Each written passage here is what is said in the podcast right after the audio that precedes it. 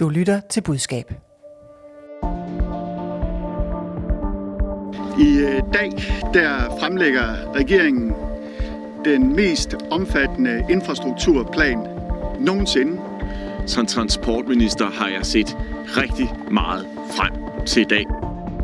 Den danske regering strålede af stolthed, da den for nylig fremlagde et udspil til trafikforbedringer i Danmark. Pris godt 100 milliarder kroner. Men hvad er der gået forud for præsentationen? Hvem har forsøgt at påvirke regeringen?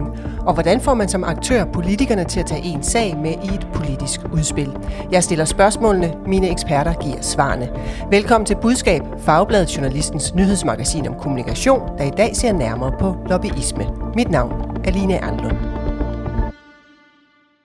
Trine Kromand Mikkelsen, har du skiftet kommunikationsstrategi midt i en krisesituation? Måske ikke hele strategien, men man kan godt ændre elementer af den undervejs. Det kan man godt, ja. Velkommen. Du er kommunikationsdirektør hos Demant og tidligere pressechef hos SAS. Martin Witt Ankerstjerne, har du nogensinde anbefalet nogen at gå til modangreb på pressen, når de er udsat for kritik? Nej, det tror jeg ikke, jeg har. Velkommen. Tak. Du er direktør og partner hos Advice. Vi begynder, hvor vi slap i sidste uge med online-supermarkedet, nemlig .com. Der er tale om en smedet kampagne og usande påstande om umenneskelige arbejdsforhold hos nemlig.com. Sådan lyder det fra den administrerende direktør i nemlig.com i en skriftlig kommentar her til aften. Nemlig.com afviser påstande om, at online-supermarkedets medarbejdere bliver presset så meget tidsmæssigt, at de ikke har tid til at holde pause og til at gå på toilettet, når de er på arbejde. Ja, gennem nu tre uger har nemlig.com været udsat for massiv kritik, blandt andet for elendige arbejdsforhold for chaufførerne. Nu har kritikken så udvidet sig til også at omfatte lagerarbejdere og de forhold, de arbejder under. Og det fik i lørdags nemlig.com til at udsende en pressemeddelelse og et enslydende brev til sine kunder om, at de er udsat for en smedekampagne fra 3F med politikken som pennefører. Nemlig.com har på intet tidspunkt stillet op til interview om sagen – Firmaets kommunikationschef gav på dag 1, altså for tre uger siden, et skriftligt svar til politikken, siden er al kommunikation foregået på sociale medier, udenom de etablerede medier. Her i budskab øh, interesserer vi os naturligvis for krisehåndteringen, og det har medført øh, disse råd. Når du har spist af journalisternes tid, når du har stillet op til alle de positive interviews gennem flere år, og så kommer der en lille smule grus i maskineriet, eller store sten, det kan Thomas svare i maskineriet, så har man også, synes jeg, en eller anden måde, øh, øh, berettiget, eller så skal man i hvert fald stille op og så sige, nu står vi i den her sag og forklare sig. Ikke kun fordi man skal, men jeg synes også, det er den bedste kommunikation. Jeg tror, at jeg af hensyn til mit omdømme og af hensyn til, til de forbrugere, der gerne skulle blive ved med at handle hos nemlig.com, når man kommer ud på den anden side af coronakrisen, så vil jeg gøre meget for at komme over på den rigtige side af hegnet, altså signalere, det her det er en krise, som, eller det her det er et problem, som vi tager på os, som vi tager ansvar for, og som vi ikke prøver at skyde fra os, for vi er ikke sådan en virksomhed, der skyder problemer fra os og peger på nogle andre. Ja, ham vi hørte talt til sidst her, det er Asbjørn Havstrup øh, fra Radio CBH, og manden vi hørte først er Mads Byder fra Help PR. Nemlig.com har så valgt en helt anden strategi, end den vores eksperter har rådgivet om. Øh, nemlig, .com har nemlig valgt strategien nu, det hedder modangreb. I pressemeddelelsen, som blev sendt ud i lørdag, siger direktør Stefan Plensch, vi er i nemlig.com udsat for den vildeste smedekampagne for 3F, og de er lykkedes med at få politikken til at være deres pennefører. Derfor giver det simpelthen ikke mening for mig at stille op til et interview med politikken, da historierne er skrevet på forhånd. Nemlig.com inviterer så til åben hus for op til 30 personer på lørdag, og skriver i pressemeddelelsen, at de vil invitere en række medier til at besøge dem. Vi har her på budskab talt med nemlig.coms kommunikationsbyrå Press Connect. De ønsker ikke at kommentere deres kommunikationsstrategi, så det får I lov til at gøre nu. Martin Witt Ankerstjerne. Nemlig har så valgt strategi nu, der hedder modangreb. Er det en god strategi? Nej, det, det synes jeg bestemt ikke, det er. Øh, og det er meget sjældent, at øh, man skal gå ud og kritisere medierne. Øh, men øh, når det ikke er det her, så er det fordi, hvad skal man klandre politikken for? De passer deres arbejde. Man må forvente, at politikken er en avis, som stiller øh, kritiske spørgsmål omkring arbejdsforhold, øh, lønmodtagerrettigheder osv. Så det er... Politikken passer bare deres arbejde, og derfor så er det helt misvisende at kritisere dem, og de opnår ikke noget positivt ved at kritisere medierne. Men hvis nu det er sådan, de har det, at de føler sig uretfærdigt behandlet og føler sig udsat for en smedkampagne, hvorfor må man så ikke sige det? Det gør de uden tvivl, og der fornemmer man også masser af følelser i spil her i det her. Men de, de, de skal ikke sige det, fordi de ikke kan opnå noget positivt ved det. Øh, det virker øh, følelsesmæssigt styret. Det virker som om, at de øh, hvad hedder det, prøver at skyde bolden væk fra sig selv, i stedet for at påtage sig det ansvar, som øh, flere øh, også tidligere har øh, anbefalet, at de tager på sig. Men Trine, kan følelser ikke være godt? Altså i sidste uges øh, budskab sad vi talte om, at ærlighed, øh, det, det er op i tiden. Vi vil gerne have den ærlige version. Vi vil gerne have følelser. Hvorfor er det så ikke godt her? Jamen lige her, der, jeg, jeg synes, man skal spole lidt tilbage og se på, hvad, hvad er det for en virksomhed, som nemlig vil være. Og, øh, og, og, og den måde, du så ligesom planlægger hele din øh, drift af virksomheden, lige fra øh, hvordan dit IT-system fungerer, hvilke arbejdsforhold du stiller dine medarbejdere til, hvilken kommunikation du har, jamen så skal du tilføje det, øh, de forskellige elementer af følelser, eller af fakta, eller af øh, kan man sige, fremdrift, som, som, som passer til den, du er og vil være. Og det, jeg synes, det er der, der er et, et kæmpe skæld mellem øh, det, man læser, de gerne vil være, og den måde, de selv kommunikerer på, og den sådan, mere sådan nøgterne faktuelle... Hvad, hvad, hvad er det helt konkret? Jamen, det handler jo om, at når du går fra at være den lille udfordrer, den mindre øh, spiller på markedet, til at være markedsleder, til at øh, gå fra at være øh, ejerleder virksomhed, som er agil og er hurtigt besluttende, der er noget for kunderne, der sparer på omkostningerne, der bare øh, skal der ud af, og det kan kun gå for langsomt, til lige pludselig at være en lidt større virksomhed med større skala,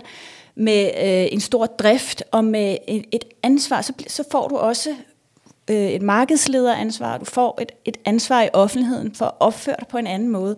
Og det er bare sådan nogle mekanismer, der sker for virksomheder, når de bevæger sig og bliver større og udvikler sig.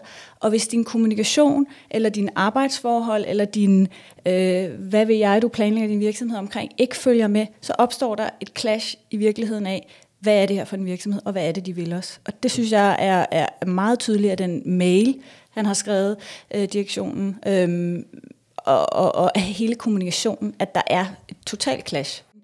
Hvis du sender en mail ud til dine kunder om, at du er udsat for en smedekampagne af et medie, øh, så dels så flytter alle dem, der ikke læser politikken, de får jo så flyttet opmærksomheden over på, hvad der sker.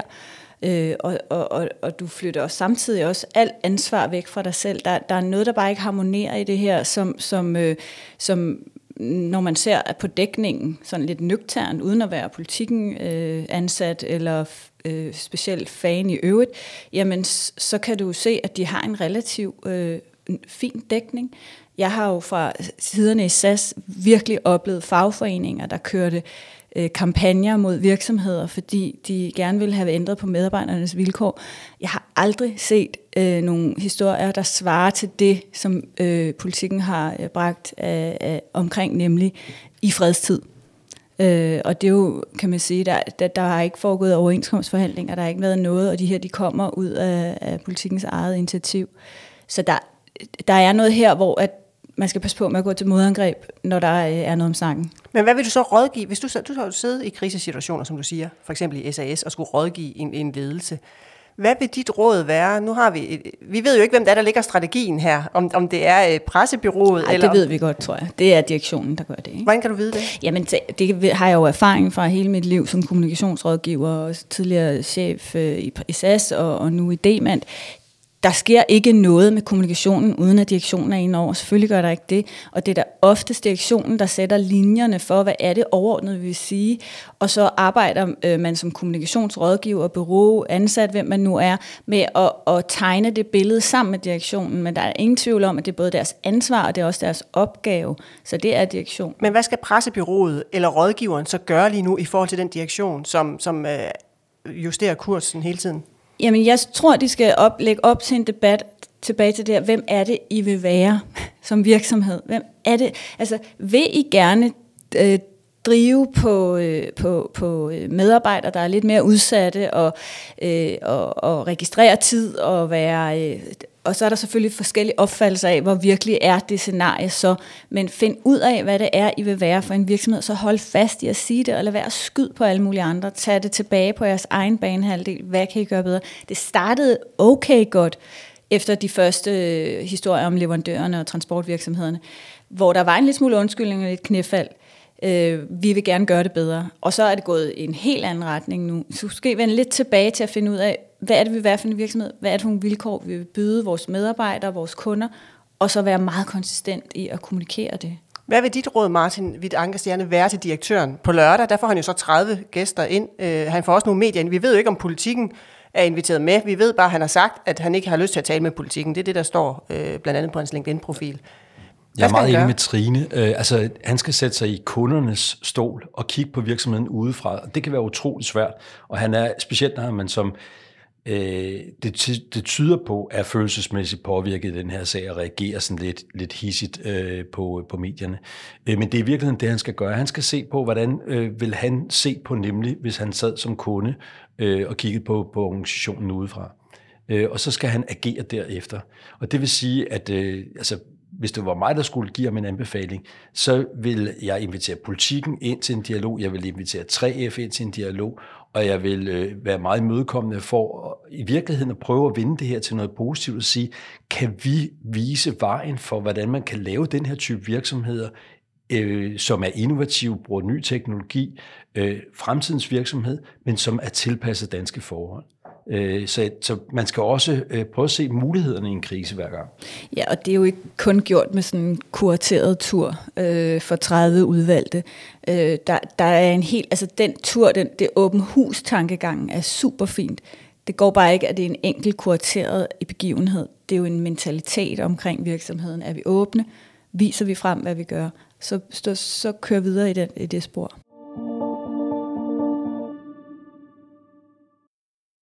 Trine Krohmann Mikkelsen, øh, har du egentlig nogensinde lobbyeret dig til flere midler til din virksomhed?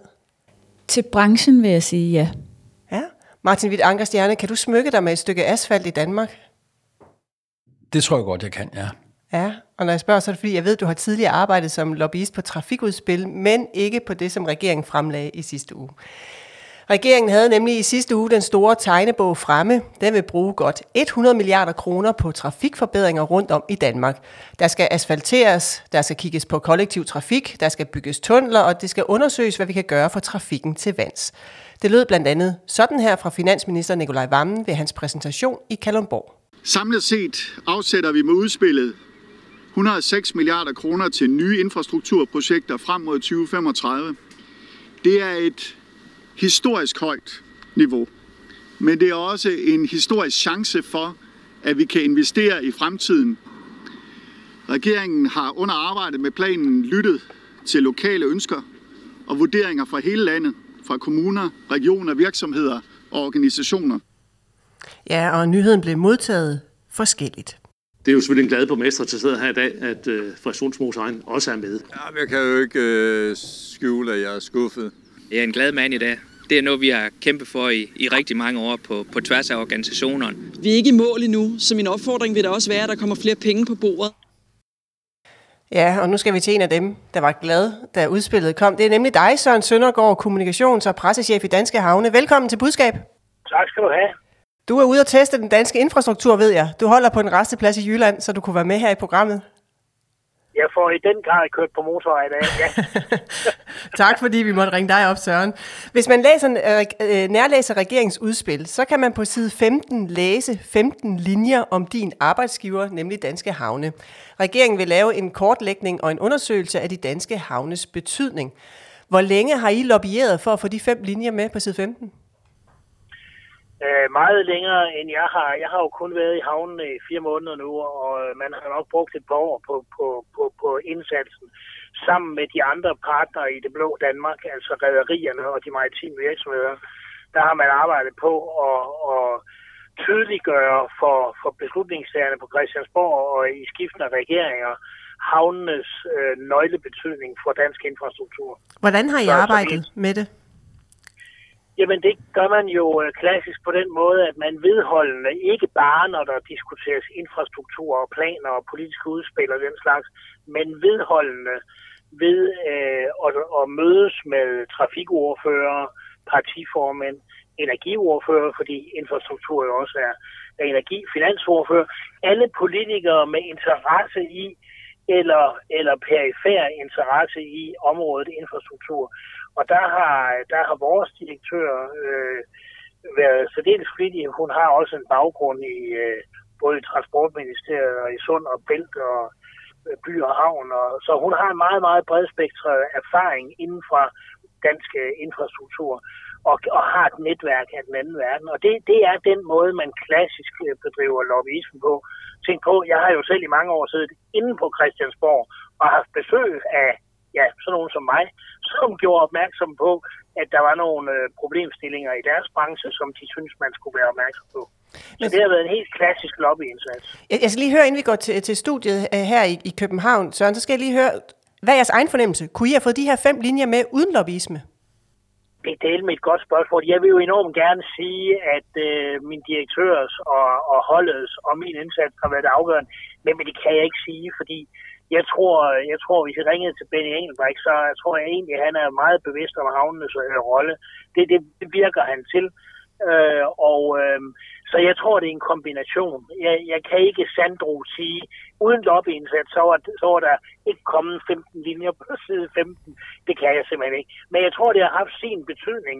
Og det der, jeg tror meget på argumentet og ordets kraft.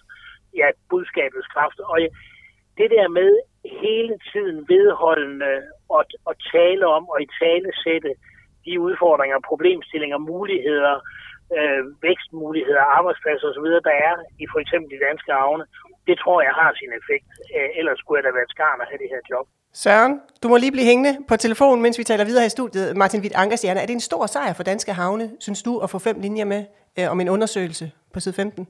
Altså, det... Øh, det synes de jo selv. Ja, og så er det en stor sejr. Øh, fordi det handler jo om, hvad, hvad, hvad danske havne ønsker at opnå, øh, og, øh, og det her det kan være et, et vigtigt skridt for dem i deres videre arbejde med for eksempel at sikre en bedre infrastruktur ud til havnene. Trine øh, Krohmann Mikkelsen, nu svarede du før, at du har været med til at skaffe penge til din branche. Altså du er i demand, det er høreapparat øh, virksomhed. Hvordan har du øh, lobbyeret? Nu hører vi Søren Søndergaard fortælle. Jamen jeg synes, noget af det, jeg hæfter mig ved, at Søren siger, det er jo det her med, hvad er det indholdet er, budskabet, argumentet. Det er jo lige præcis der, hvor det kan være en kæmpe sejr, selv fem linjer, fordi det er, jo, det er jo så vigtigt, hvordan indholdet tegner sig i de udspil, der så er. Og der har jeg oplevet i det public affairs arbejde, jeg har lavet, at det, vigtigste er simpelthen, når man som virksomhed gerne vil have en, sin indflydelse gjort gældende, så er det bedst at arbejde sammen med andre, der har samme øh, ønsker. Så øh, jeg har egentlig kun arbejdet med public affairs i arbejdsgrupper, sammensat af industri, af foreninger, universiteter, øh, hvad hedder det, professorer, der har samme interesse i for eksempel at forbedre hørebehandling for øh, mennesker med høretab. Hvad er du helt konkret kommet igennem med? Det vil vi Jamen, gerne vi fik øh, 200 millioner på finansloven i øh, 2018, øh, og det var øh, en indsats, der løb igennem, jeg tror, seks år, også før min tid i Demand. Og, øh, og det fik vi igennem, fordi det handlede ikke om os som virksomhed, det handlede om patienterne, om dem, der oplever hørebehandling derude, skulle opleve noget bedre, skulle føle mere kvalitet, og også at sundhedssystemet skal prøve at, at nå noget mere effektivitet. Og de her 200 millioner, de skal gå til at, øh, at kortlægge, hvordan man digitaliserer øh, hørebehandling herhjemme. Og det er i gang nu. Kæmpe sejr, men, men det var aldrig sket, hvis det bare var D-mand, der havde en interesse i det. Og der var konkret en politiker, der sagde til en af mine kolleger, da de gik i gang, kan I ikke snakke sammen om, hvad I synes? Fordi det dur simpelthen ikke, at I kommer 12-15 forskellige aktører og siger lidt forskelligt til mig. Prøv en gang at sætte jer sammen og finde ud af, hvad I mener. Og så gjorde, øh, så gjorde de det, og siden kom jeg med i den arbejdsgruppe, og så har vi simpelthen arbejdet stødt frem mod at få øh, talt om, hvad er det bedste for øh, patienter. Men Martin Witt Ankerstjerne, du sidder jo her som public affairs mester. Det, det er virkelig for alvor dit arbejdsområde, øh, som jeg forstår det.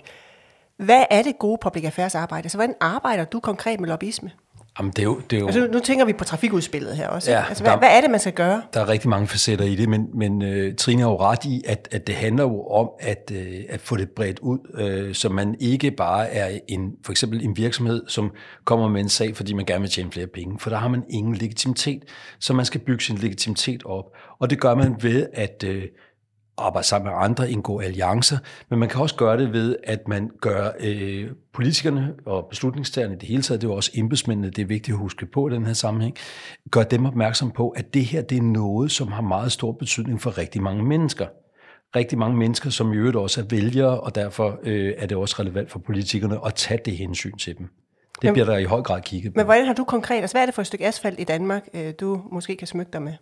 Jamen altså, øh, jeg kan ikke personligt smykke mig med et stykke asfalt, men, men vi har selvfølgelig arbejdet, øh, hvad hedder det, også med, med, med infrastruktur og transport i min virksomhed, og det er så med, med sådan nogle ting, at det er jo, det er jo aldrig byrådet, øh, der har æren for, øh, for tingene, så jeg vil nødig udtale mig om, hvad det er, vi har arbejdet med.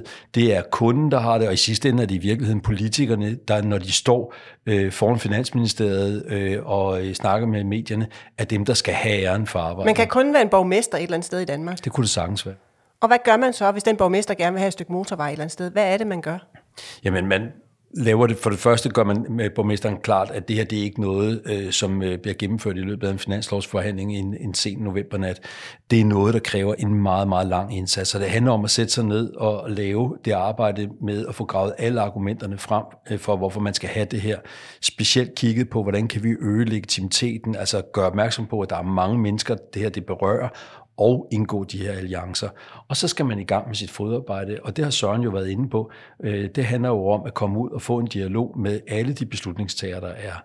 Politikere, embedsmænd, Øh, det relevante fagministerium, i det her tilfælde Transportministeriet, men måske også Finansministeriet, måske også Statsministeriet efterhånden.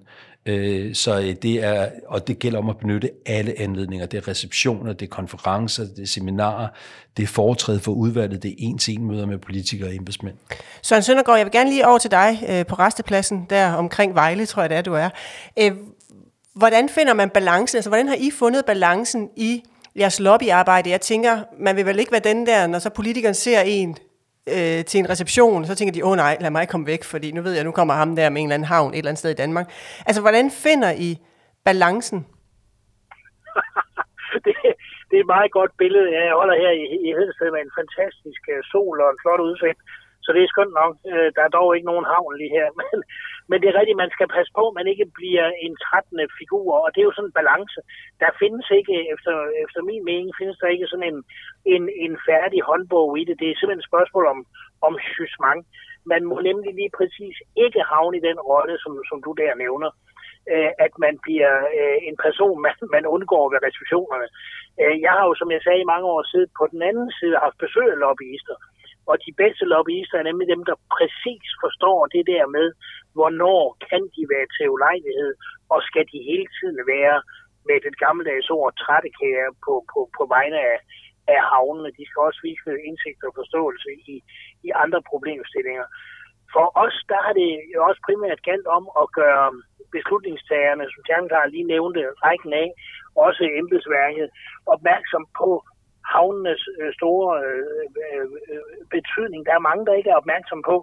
90 procent af alt import og eksport i Danmark, det kommer ind via havnene. Jeg er på vej til Aarhus Havn nu her i dag, og hvis den lukkede i en uge, det, det er Danmarks Og du er en dygtig så... kommunikationschef, Søren Søndergaard, for nu er vi jo i gang med at tale om kommunikation ja, og ikke indhold. Så, Nej, men, men jeg, jamen det, jamen, kommunikationen den, den består jo af, at man får fortalt, hvad er vigtigt.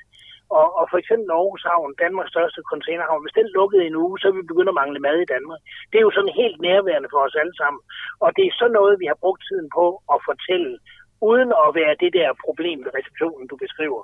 Ja, Martin, du markerede, da Søren sagde det her med at finde balancen. Ja, det er fordi, at øh, vi har tidligere undersøgt det her rent faktisk, og spurgt politikerne, hvad er de største udfordringer i forbindelse med, øh, med, med lobbyister, når de kommer ind på Christiansborg. Og det er, når de kun taler om sig selv, og når de kun taler om deres egen sag. Man skal forstå, at det skal være en dialog, og det handler i høj grad om også at forberede spørgsmål til for eksempel politikerne om, hvad, hvordan de ser på tingene. Øh, for hvis man bare kommer ind, kun taler om sig selv og sin egen sag, så ryger man hurtigt ud igen. Da vi talte sammen i går, den sagde du også til mig, at det er vigtigt at gøre det her til en folkesag. Altså, at man får befolkningen med sig. Hvordan gør man det helt konkret? Jamen det, det gør man ved at anskueliggøre i hvert fald over for politikerne, at det er en folkesag. Det er jo ikke sikkert, at det nødvendigvis er det. Men, men det handler jo om for eksempel at øh, sørge for, at sagen også bliver omtalt i medierne. Øh, og derfor øh, er en sag, som øh, ser ud som om, har, at den i hvert fald har relevans for rigtig mange øh, mennesker. Øh, det kan være gennem debatindlæg, det kan være gennem, øh, at man får lavet PR-arbejde, der gør, at man får omtalt på sin sag. Trine? Ja, lige præcis det her med at gøre det til en folkesag. Jeg har været med på, på en øh, lobbyaktivitet, også i flere år, for forskning og udviklingsvirksomheder, som gerne vil have højere skattefradrag. Det er ikke super folkeligt, vel? Altså, det er vidensmedarbejdere, vi taler om, det er øh, virksomheder, der eksporterer ud af Danmark. Men hvis man vender om og siger, at hvis vi får højere øh, skattefradrag på vores forskning og udvikling, så skaber vi også nogle produktionsarbejdspladser så rækker du lige pludselig langt videre ud over øh, de her få akademikere, der kan få job i forskning og udvikling, og så siger du, at vi skaber faktisk jobs rigtig mange steder. Det gjorde vi så, og det greb, så fik vi lige pludselig Socialdemokratiet med ombord. De har jo faktisk løftet den her forskning og udviklingsfordrag til 130 procent her i løbet af corona, øhm, og kæmpe sejr også i, i det øh, lobbyarbejde, men det, det kræver, at man forstår, hvem har mere gavn af det, du øh, gerne vil have.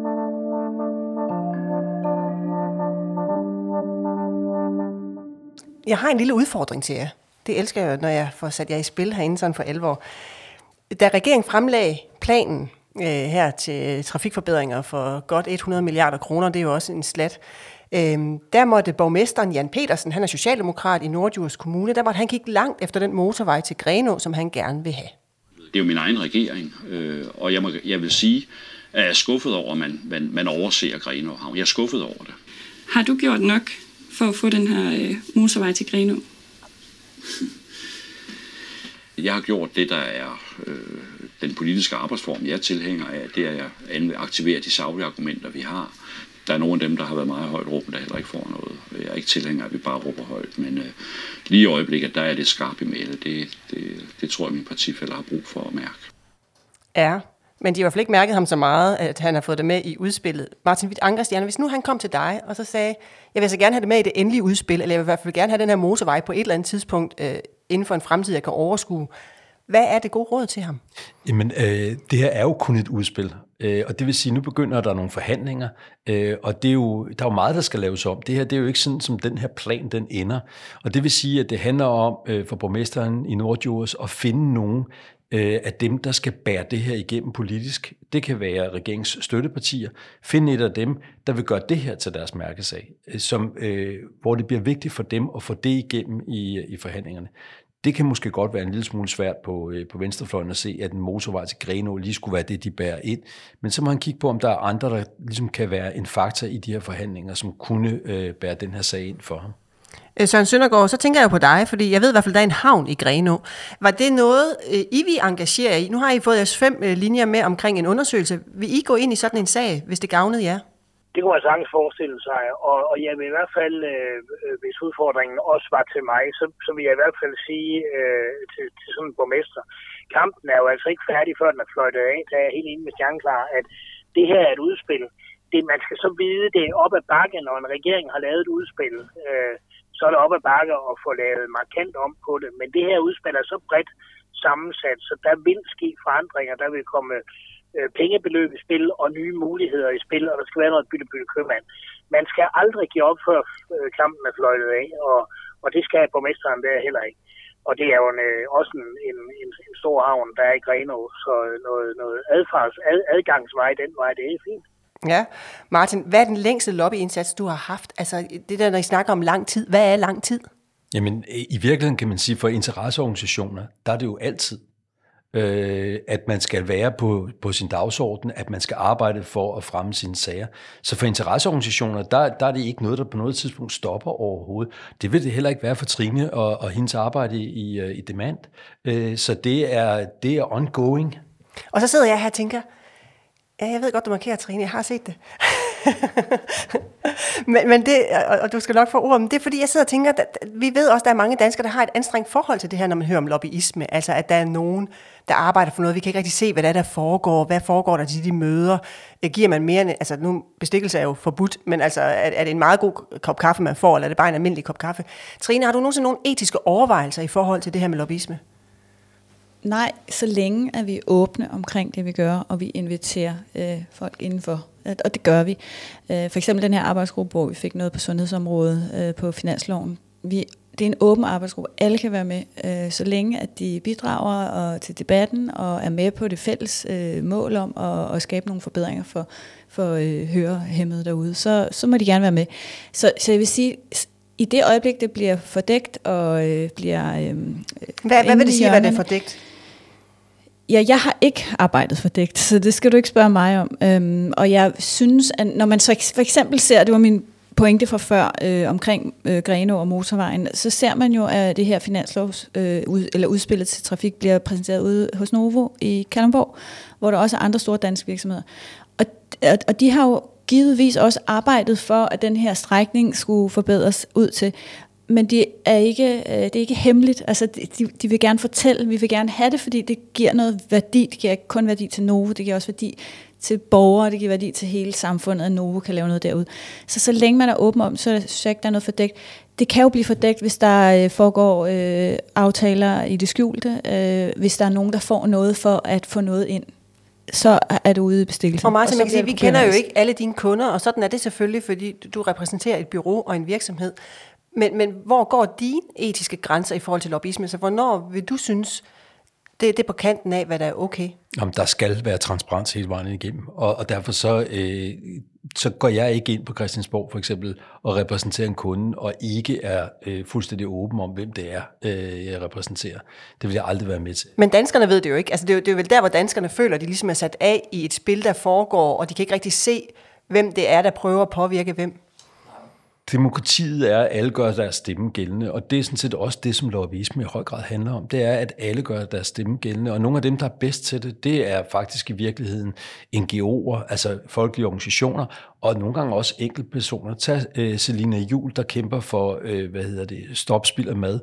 Uh, hun er en af de mest effektive lobbyister, der overhovedet findes i Danmark, og det er en organisation, der mere eller mindre er skabt af en enkelt kvinde.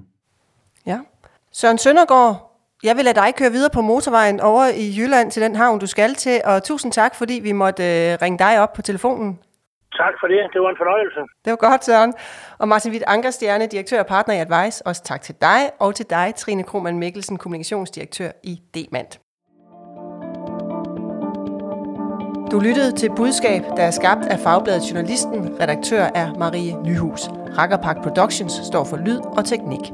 I dagens afsnit har du hørt klip fra Altinget, Radio 4, God Aften Danmark, TV2 Løje, TV2 Fy, TV2 Nord og TV2 Østjylland. Du kan abonnere på vores podcast. Giv den meget gerne en anmeldelse på din vej. Mit navn er Line Erndlund. Og husk, ord er ikke bare ord. Tilsammen udgør de dit budskab.